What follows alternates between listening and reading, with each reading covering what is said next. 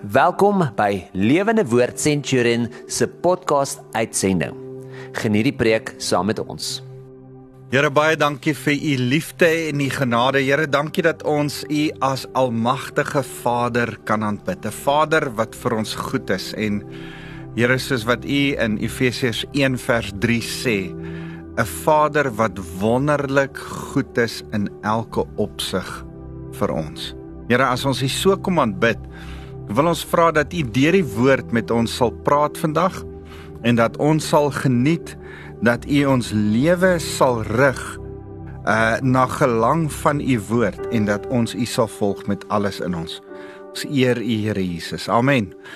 Dit is my lekker om saam met jou te kuier. My naam is Wouter van der Merwe en ek is van uh, Lewende Woord Centurion en ehm um, dis dis so lekker om weer die woord saam met jou te kan oopmaak, saam met jou te kan blaai, blaai saam met my na Matteus hoofstuk 12. Jy sien, ek wil vandag met jou praat oor 'n interessante onderwerp en dis uh goed wat gebeur as mense my vra uh wat beteken dit om die onvergeefbare sonde te doen. In die skrif praat dit van die onvergeefbare sonde. En en daar's gereeld mense en dit nou afgelope tyd ook met my gebeur dat mense by my kom sit en sê dalk het ek gelaster teen die Heilige Gees. Dalk het ek die onvergeefbare sonde gedoen of iemand wat in trane by my kom sit en sê ek weet nie of ek hemel toe gaan gaan nie want die skrif sê ek sal geoordeel word vir elke ydelle woord wat ek spreek. En dan dan dan sê ek so so hartseer want ek dink um man dis dis die goed wat mense deurmekaar maak want jy sien hierdie is teologies verwarrende onderwerpe. Uh, want want sê die skrif nie dat uh, die Here vergewe alle sonde nie. Hoe kan daar nou 'n 'n onvergeefbare sonde wees? Maar tog sê Jesus daar's 'n onvergeefbare sonde. Ehm um, wat dan nou van hy hy sê die, die laster teen Jesus sal vergewe word, maar nie die laster teen die Heilige Gees nie. Hoe dan nou? Uh wat is laster teen die Heilige Gees? En en hoe werk dit? En As ons sê dat ons op grond van ons woorde geoordeel word, wat dan van ons geloof? Ek tog ons geloof maak dat ons geoordeel word al dan nie. Um vrygespreek word al dan nie. So ek ek ek dink die probleem wat ons het is so so baie kere lees ons die skrif, lees ons 'n geval, lees ons 'n frase, 'n versgedeelte uit konteks uit. En en ek dink ehm um, dis die grootste probleem wat ons het. Ons het nodig om die skrif in konteks, in die konteks van sy hoofstuk, in die konteks van sy van sy uh, die boek waarin hierdie een versie staan te lees. Ons het nodig om dit in die konteks te lees van vir wie word dit gesê en deur wie word dit gesê en hoe het dit dan toepassing op ons? Konteks is geweldig belangrik. Laat my dink aan hierdie grappie en en ek ehm um, ek's nie goed met grappies nie. My vrou sê altyd ek ek vertel die punchline voordat ek die grappie vertel en dan mors ek alles op. So ek lees die grappie vir jou in Engels. Die die wetenskaplike sê my findings are meaningless if taken out of context. En die koerant opskrif die volgende dag sê scientists claim findings are meaningless. nou dit is tipies so. As jy die konteks uitlos dan dan is dit iets heeltemal anderste. Uh, hier's vir nog so 'n grappie. You know under the right context a kidnapping has a potential to be a very serene experience. Hoe kan 'n kidnapping serene wees? Hoe kan dit enigstens rustig wees? For example, a kidnapping. Ehm um, ek het nogal van dit gehou. So, ja, uh hang af na die konteks. Ehm um, kyk na die konteks. Die konteks is geweldig belangrik. Ehm um, en en en dis so met skrif ook. Ek dink ons het jare terug so 'n ding gehad van uh waar iemand gesê het jy kan nie net jou Bybel oop blaai en jou vinger op 'n skrifgedeelte sit en sê dis vir die Here vir my sê nie want wat as jy jou Bybel so oop blaai en sê uh en en Judas Iskariot het gegaan en homself gehang. En dan dink jy, wag, wag, wag. Miskien moet ek 'n ander skrif kry en jy blaai weer en dan kom jy by daai skrif en dan sê go ye and do likewise. En uh ons moet oppas.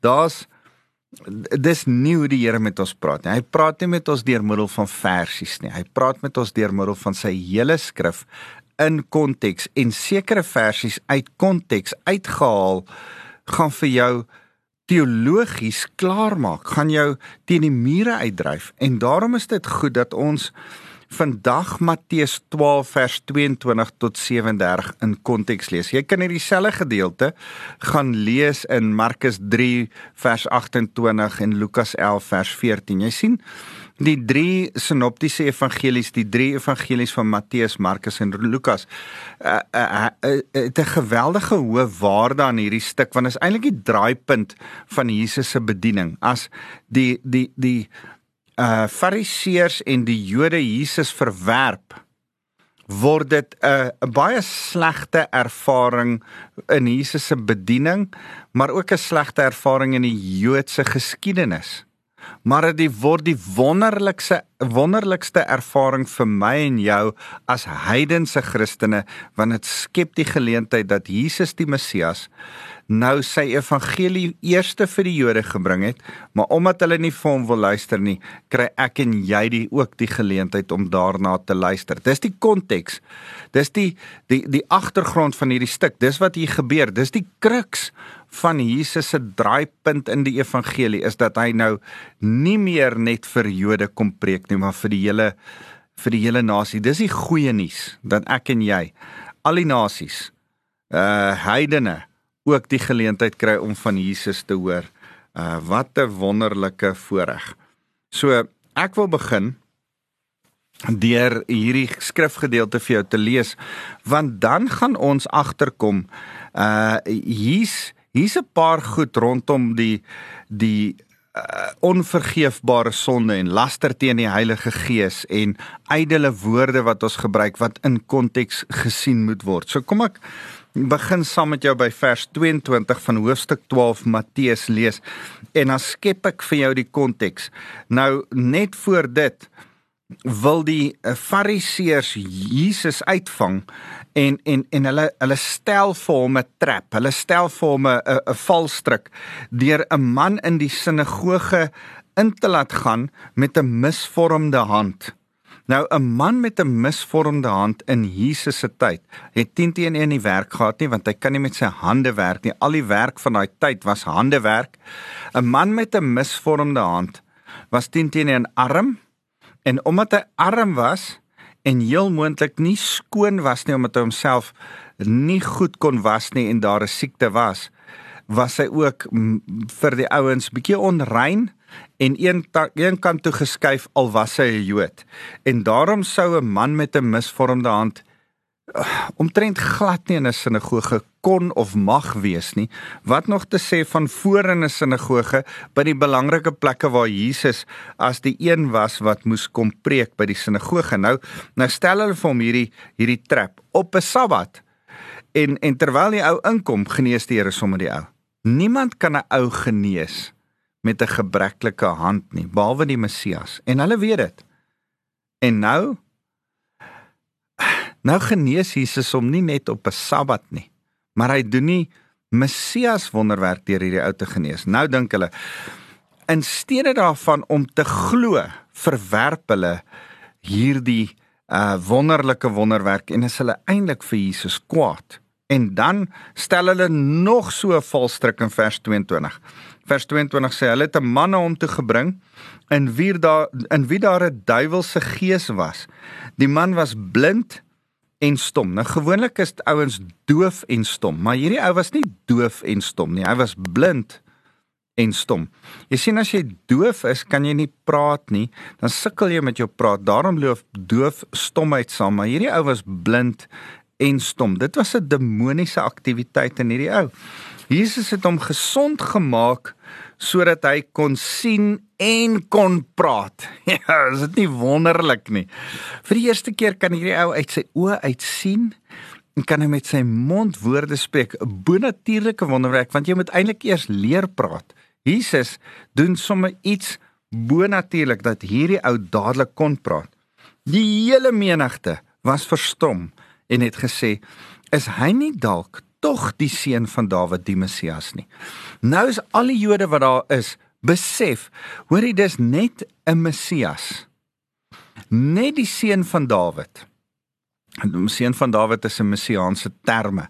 Dis net die Messias wat kan sê uh wat blindes kan genees en 'n ou wat nie kan praat vir sy hele lewe lank nie, kan laat praat. Toe die Fariseërs egter van die wonder hoor vers 24, het hulle geskimp en gesê geen wonder dat hy duiwels kan uitdryf nie. Hy kry sy krag immers van Beelzebul, die baasduiwel. Hier die scenario is al die Jode in wat daar is in daai omgewing sien die wonderwerk en sê maar dalk is hy die seun van Dawid. Dalk is hy die Messias. En dan sê die Fariseërs: "Nee, nee, nee. Nee, hy is nie. Hy is eintlik duiwelbesete. Hy doen hierdie wonderwerke in die met die krag van die duiwel homself." Vers 25 sê Jesus het egter hulle gedagtes geken en vir hulle gesê: "Enige koninkryk wat teen homself verdeeld is, gaan ten gronde, en geen dorp of huis wat teen homself verdeeld is, sal bly staan nie." As Satan Satan uitdryf, is hy mos teen homself verdeel. Hy sal sy koninkryk, hoe hoe sal sy koninkryk dan staande bly? Dis interessant dat die Here erken dat Satan het 'n koninkryk. Maar sy koninkryk, Jesus se koninkryk is groter. Nou sê hy vers 27 en as ek met die krag van Beelzebul, ja, is letterlik die god van vlee, uh, Satan se bynaam. As ek met Beelzebul die duiwels uitdryf, met wie se hulp doen julle volgelinge dit dan? Daarom sal hulle julle regters wees. Wat Jesus hier sê daar is van julle wat wel duiwels uitdryf. In die naam van die Here, hulle doen dit nie in die naam van die duiwels nie en ek doen dit soos wat hulle dit doen. So laat hulle laat hulle die regspraak gee. Laat hulle sê of ek dit ehm um, reg doen of nie. Nou nou sê vers 28, maar as dit die gees van God is wat my in staat stel om die duiwels uit te dryf, moet julle besef dat die koningsheerskappy van God nou by julle is. Nou die gees van God, die Heilige Gees. Die Gees met 'n hoofletter is die een wat hom in staat stel om hierdie duiwels uit te dryf. En daarom is die koningsheerskappy wat Jesus kom aankondig het nou by hulle. Vers 29 sê: "Dis tog onmoontlik vir iemand om 'n sterk man se huis in te gaan en hom van sy goed te beroof as hy daardie sterk man nie eers vooraf vasgebind het nie. Eers dan sal hy sy huis kan beroof." Nou, hy's hier besig om oor die groot prentjie te praat. Jesus sê: "Ek het Satan kom vasbind. Ek is besig om my koninkryk aan te kondig. Ek kom in hierdie huis in." Maar ek wil ook sê in elke persoonlike mens se lewe gaan dit so die demoon moet eers gebind word sodat Jesus die koning in die huis kan word. Nou sê hy vers 30: Wie nie aan my kant is nie, is teen my en wie elk en elkeen wat nie saam met my bymekaar maak nie, jaag mense uitmekaar. Nou sê hy vir hierdie fariseërs wat sê dat hy duiwel besete is. Hy sê: "Julle maak nie saam met my bymekaar nie." My disippels is bymekaar makers. Hulle help my. Maar eintlik jaag julle die mense uitmekaar uit. Dis hoekom hy in vers 31 dan sê: Dit verseker ek julle. God sal elke sonde of lastering vergewe. Maar lastering teen die Heilige Gees sal hy nie vergewe nie. Enige iemand wat iets teen my, die seun van die mens sê, ekskuus tog. Dit sal daardie persoon vergewe word. Maar wie die Heilige Gees belaster, sal nooit vergewe word nie. Nie in hierdie wêreld nie en ook nie in die toekomstige een nie. So so wat sê die Here eintlik hier? Hy's hy eintlik besig om te sê dat laster teen die Heilige Gees is wat hierdie mense gedoen het. Hulle is besig om verander te vertel dat Jesus 'n duiwel in hom het in steede van daarvan dat die Gees van God wat in hom woon die een is wat die bevryding vir hierdie demoniese persoon gebring het. So as as jy kies soos hierdie fariseërs om te sê dis die duiwel wat dit gedoen het in steede van die Heilige Gees dan laster jy die Heilige Gees dan noem jy die werk van die Heilige Gees satanies, duiwels en dis die laster teen die Heilige Gees. Dit het hierdie ouens in Jesus se tyd gedoen. Nou ek ek wil baie duidelik sê dat ek glo met my hele hart dat die laster teen die Heilige Gees, die onvergeefbare sonde is eintlik die sonde wat die Jode van Jesus se tyd gedoen het en jy kan nie vandag die laster teen die Heilige Gees doen nie. Ek dink dat ongeloof is 'n onvergeefbare sonde. So solank as wat jy nie tot geloof kom nie, kan jy nie kan jy nie net vrygespreek word nie. Jou ongeloof, jou jou teen die Here staan, maak jou deel van hierdie Joodse generasie, deel van hierdie ouens van ongeloof, maar die Here is eintlik besig om met hulle te praat. Hele groep, hele Jode laster teen die Heilige Gees. En hy sê enige enige iemand wat iets teen my, die seun van die mens sê, dit sal 'n persoon vergewe word. Maar wie die Heilige Gees belaster, julle Joodse Fariseërs sal nooit vergewe word nie. Nie in hierdie wêreld nie en ook nie in die toekomstige een nie. En wat die Here hier sê is nie dat hy hy sê in hierdie dispensasie en hierdie tyd, hy's nie besig om te sê nou in hierdie wêreld en in die hemel nie. Nee, hy's besig om te sê in hierdie tyd aspek waarna ek nou is voor die kruis en in die tydsaspek na die kruis in die era tot met in met my wederkoms sal hierdie ouens verblind word en dis wat vandag met die Jode gebeur. Hulle staan verblind. Hulle uh, al verduidelik jy vir hulle al wys jy hulle Jesaja 54 wat so duidelik oor die Messias gaan. Al praat jy met hulle oor Jesus. Hulle hoor nie, wil nie hoor nie, kan nie hoor nie. En daar's individue, daar's individuele Jode wat tot bekering kom. Maar as jy in Israel toe gaan vandag, dan sien jy 'n groot klomp Jode wat nog nie die voorreg het om by Jesus uit te kom nie want as nasie is hulle kollektief ver, verblind. Dit dit is net so. En daarom sê hy in vers 23: 'n boom word aan sy vrugte geken. 'n Goeie boom kan nie anders as om goeie vrugte te dra nie en 'n slegte boom kan nie anders as om slegte vrugte te dra nie. Julle nes van ander Onthou die konteks van hierdie stuk. Hy's besig om met die Fariseërs te praat. Hy sê julle nes van adders. Met ander woorde, julle wat gif in julle monde het, julle nes van adders, julle is sleg. Daarom is dit vir julle onmoontlik om goeie dinge te praat. Daar's gif in julle monde. Julle slange. Julle praat slegte dinge. Hy sê waarvan die hart van vol is, loop die mond van oor. Julle hart is vol bose dinge. Daarom loop julle mond oor van bose dinge. Julle sê, julle praat van my wat Heilige Gees geïnspireerd is as demonies geïnspireerd. Julle lieg. Julle lei mense in valsheid. Dis wat hy besig is om vir hierdie ouens te sê as hy sê julle is 'n nes van adders. Wat uit julle monde uitkom is giftig want dit maak ander mense dood, ewig dood. Wat julle sê is hulle vir hulle ewige gif. sien jy die prentjie wat Jesus hier probeer skep? Nou sê hy in vers 35: 'n goeie mens bring uit die oorvloed goeie dinge in sy hart, goeie dinge te voorskyn. En 'n slegte mens bring uit die oorvloed slegte dinge, slegte skat in sy hart, die slegte dinge te voorskyn. So hy sê hier julle kan nie anders doen nie. Julle is so boos aan die binnekant dat dit dat dit uitloop in in in in slegte dinge. Maar julle is veronderstel eintlik gewees om goeie mense te wees wat goeie dinge te voorskyn bring. Nou sê hy vers 36.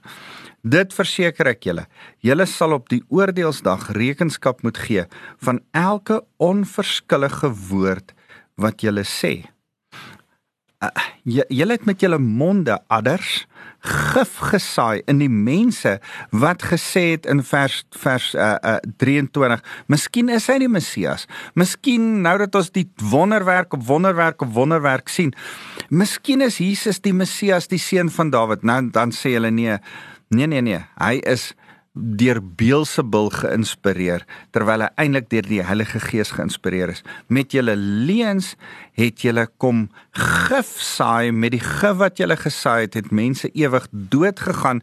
Wat julle gesê het is onverskillige woorde wat julle op die oordeelsdag rekenskap van gaan gee, sê hy vir die Jode van sy tyd, nie vir jou nie. Nie vir jou nie, hoor mooi. Hy sê dit vir die Jode van sy tyd. Hy sê vers 37 op grond van wat jy nou sê. Fariseërs, op grond van wat julle nou sê, sal jy eendag vrygespreek of veroordeel word. Jy sal op grond van wat jy sê vrygespreek of veroordeel word. So ek wil hê jy moet dit in konteks sien. Jy sien die teologiese probleem is ons word uh nie vrygespreek op grond van wat ons sê nie. Ons word vrygespreek op op grond van wat ons glo. As jy saam met my vinnig blaai na Efesiërs hoofstuk 2 vers 8 en 9. Daar's geweldig baie skrif wat gaan oor ons geloof in die Here. Ehm um, vergifnis kom deur geloof en ehm um, deur ons verhouding, deur ons uh, ge, die genade van die Here as daar berou in ons harte is. En daarom wil ek gou by hierdie skrif in Efesiërs 2 kom waar hy sê dis mos die genade wat julle verlos het deurdat julle tot geloof gekom het en julle verlossing kom nie uit julleself nie maar is 'n gawe van God. Dis nie die gevolg van julle dade nie. Niemand kan daaroor groot praat nie Dis vers 9 sê, dis nie die geloof van julle dade nie. Dis nie die geloof van of jy regtig goed gesê het op aarde of verkeerde goed gesê het nie. Regtig goed gedoen het of verkeerde goed gedoen het nie. Op grond van jou geloof alleen word jy gered. Nou nou die protestante het het vyf sola goed ge, ge, ge, gesê. Hulle het gesê sola scriptura, sola fide, sola gratia, sola Christus, solo di gloria. Sola scriptura die skrif alleen. Ons glo net in die skrif. Sola fide, op die geloof alleen word ons gered. Sola gratia, deur genade alleen. Sola Christ, Christus, deur Christus alleen. Sola deo gloria, daarom aan God al die eer. So Dis wat ons glo. Dis wat ons as gelowiges glo. En ons glo dit begin by 'n by die regte ding om te sê is Here, ek is jammer. So Spreuke 28 vers 13 is so 'n mooi skrif wat sê dat as ons nie berou het nie, dan gaan ons nie uh vergifnis ontvang nie. Hy sê wie sy oortredinge ver, verswyg, stil bly oor, sal nie voorspoedig wees nie. Wie sy sonde bely en daarvan afsien, sal genade ontvang. So wat die waarheid is van hoofstuk 37 van van die woorde wat ons sê gaan ons vry laat vryspreek of veroordeel word is jou belydenis van jou sonde. Here, ek is jammer. Bring vir jou vryspraak, genade en daarom vergifnis, 'n ewige lewe. So so kan ek net vir jou sê. As jy sit in die in die vraagstuk en wonder Ehm um, het ek gelaster teen die Heilige Gees? Het ek nie al dalk iets verkeerd gedoen nie? Mense kom sit by my in berading en dan vra hulle hoorie ehm um, ek het verskriklike verkeerde goed gedoen. Dalk is die goed wat ek verkeerd gedoen het laster teen die Heilige Gees en kan ek nie in die hemel uitkom nie. Dan wil ek vir jou sê, die feit dat jy so besef het, die feit dat daar hierdie dringendheid in jou is, is 'n bewys daarvan dat jy nie gelaster het teen die Heilige Gees nie, want dit is die Heilige Gees wat jou begeerte gee om by God uit te kom. Uh, die laster teen die Heilige Gees wat hierdie Jode in Jesus se dag gedoen het, was hulle ongeloof. In die eerste plek, daar's daar's drie goed wat hulle doen. Hulle begin in die eerste plek om Jesus te beskuldig en om te diskrediteer. Dis die eerste ding. Om Jesus te se se se se gees geïnspireerdheid te diskrediteer is hulle eerste sonde. Dis die dis die begin van die sonde teen die Heilige Gees, soos om iets wat heilig is onheilig te verklaar in ander mense se oë. En dan gaan die sonde in die Heilige teen die Heilige Gees verder wat hierdie ouens hier pleeg. Hulle kies om nie te glo nie. Hulle sien die openbaring dat Jesus die Messias is. Hulle sien messiaanse wonderwerke. Man, as jy Matteus 8 en 9 bestudeer, is daar 9 messiaanse wonderwerke wat gebeur wat net die Messias kan doen om 'n melaatse te genees. Om in in daai tyd het niemand dit reg gekry nie en Jesus kom en hy doen dit. En dan is hulle stom en hulle is verbaas en hulle weet eintlik in hulle harte dat Jesus die Messias is. Maar hulle kies hulle kies rebels om nie Jesus te volg nie. Hoekom? Ek het baie kere al gewonder, hoekom sou die Fariseërs kies teen Jesus? Hulle het dan so uitgesien na die Messias se koms. Jy sien, jy moet die politieke situasie verstaan van daai tyd. Hulle was finansiëel uh sterk mense gewees want hulle het die mense van hulle tyd ondergehou deur middel van godsdienst, skuldig gehou en hulle het geld gemaak uit hulle godsdienst uit. Geld gemaak uit die manier hoe hulle uh gepraat het van die Messias wat sou kom. Hulle het hom as 'n politieke bevryder verkoop in hulle godsdienst. Nou kom Jesus en hy's nie 'n politieke bevryder nie. Hy's meer as dit. Hy bevry jou van sonde, nie van 'n Romeinse las nie. En en daarom het hy nie in hulle prentjie van die Messias ingepas nie en sou dit hulle finansiëel en statusgewys geweldig baie gekos het. En en en toe hulle die die die wonderwerke begin sien en die waarheid hoor, moes hierdie fariseërs geweet het, hoor hierdie is eintlik die Messias. Maar ons kies om hom nie te volg nie, want dit gaan ons kos. Dit gaan my sak kos, gaan my status kos, dit gaan my job kos. Miskien moet ons dan maar eerder sê hy is nie die Messias nie. Jy sien om die Messias te volg kos jou altyd iets. Jy moet iets opoffer. Hierdie ouens was nie bereid om iets op op te offer nie en daarom het hulle rebellie in hulle hart toegelaat. Jy kan nie as jy een of ander tyd tot die besef kom dat Jesus die Here is, dat hy jou koning is, dat hy die Messias van jou lewe is kan jy nie kies teen hom want daar's ander goed wat vir jou gemaklik is en ander goed wat vir jou wat jy nie wil los nie. Jy, as jy dit moet los, moet jy dit los. En ongelukkig was daar baie van hierdie fariseërs wat nie kon los waarmee hulle besig was om Jesus te volg nie. En ehm uh, dan sê hartseer ding die derde ding is hulle het 'n progressiewe negatiewe keuse gemaak oor en oor om ander mense se keuse vir die Here te beïnvloed deur hulle woorde. Hulle het met hulle woorde van hulle hulle onthou Jesus noem hulle die adder geslag met hulle gif wat hulle gesaai twyfel in ander mense se harte gesaai. En dit dit laat my dink aan 2 Johannes hoofstuk uh, vers 9 en 10. 2 Johannes het net een hoofstuk en en daarom wil ek julle die vers 9 en 10 uit daai hoofstuk uit lees. Hy sê elkeen wat die leer aangaande Christus verander, het nie deel aan God nie. Christus is die waarheid. Die Heilige Gees openbaar dit aan ons. So kom dit laster teen die Heilige Gees is want dis die Gees wat ons wys dat Christus die waarheid is. Hy sê elkeen wat die leer aangaande Christus verander, sy eie storieetjie opmaak, sy eie manier opmaak van wat godsdiens is, As jy dit verander, het jy nie deel aan God nie. Wie 'n hegte verbintenis met die met die eh, leer van Jesus leef, het deel aan die Vader en die Seun. As jy 'n hegte verbintenis jou onverskrokke daan toewy dat Jesus die Messias is, ongeag of dit jou pas of nie, dan is jy deel van die Vader en van die Seun. Nou sê hy vers 10: As iemand na julle toe kom en nie hierdie leer dat Jesus die Here is met hom saambring nie, moet julle hom nie aan jou huis ontvang nie en julle moet hom nie eers groet nie.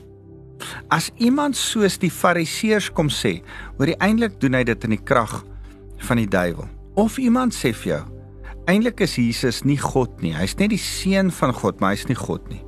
Of eintlik vertel hulle jou hy's net 'n goeie mens en daar is kerkgenootskappe en godsdienste wat dit verkondig. Dan sê die skrif, hulle kom 'n ander Jesus verkondig. Van die Jesus wat ek en jy ken, is God.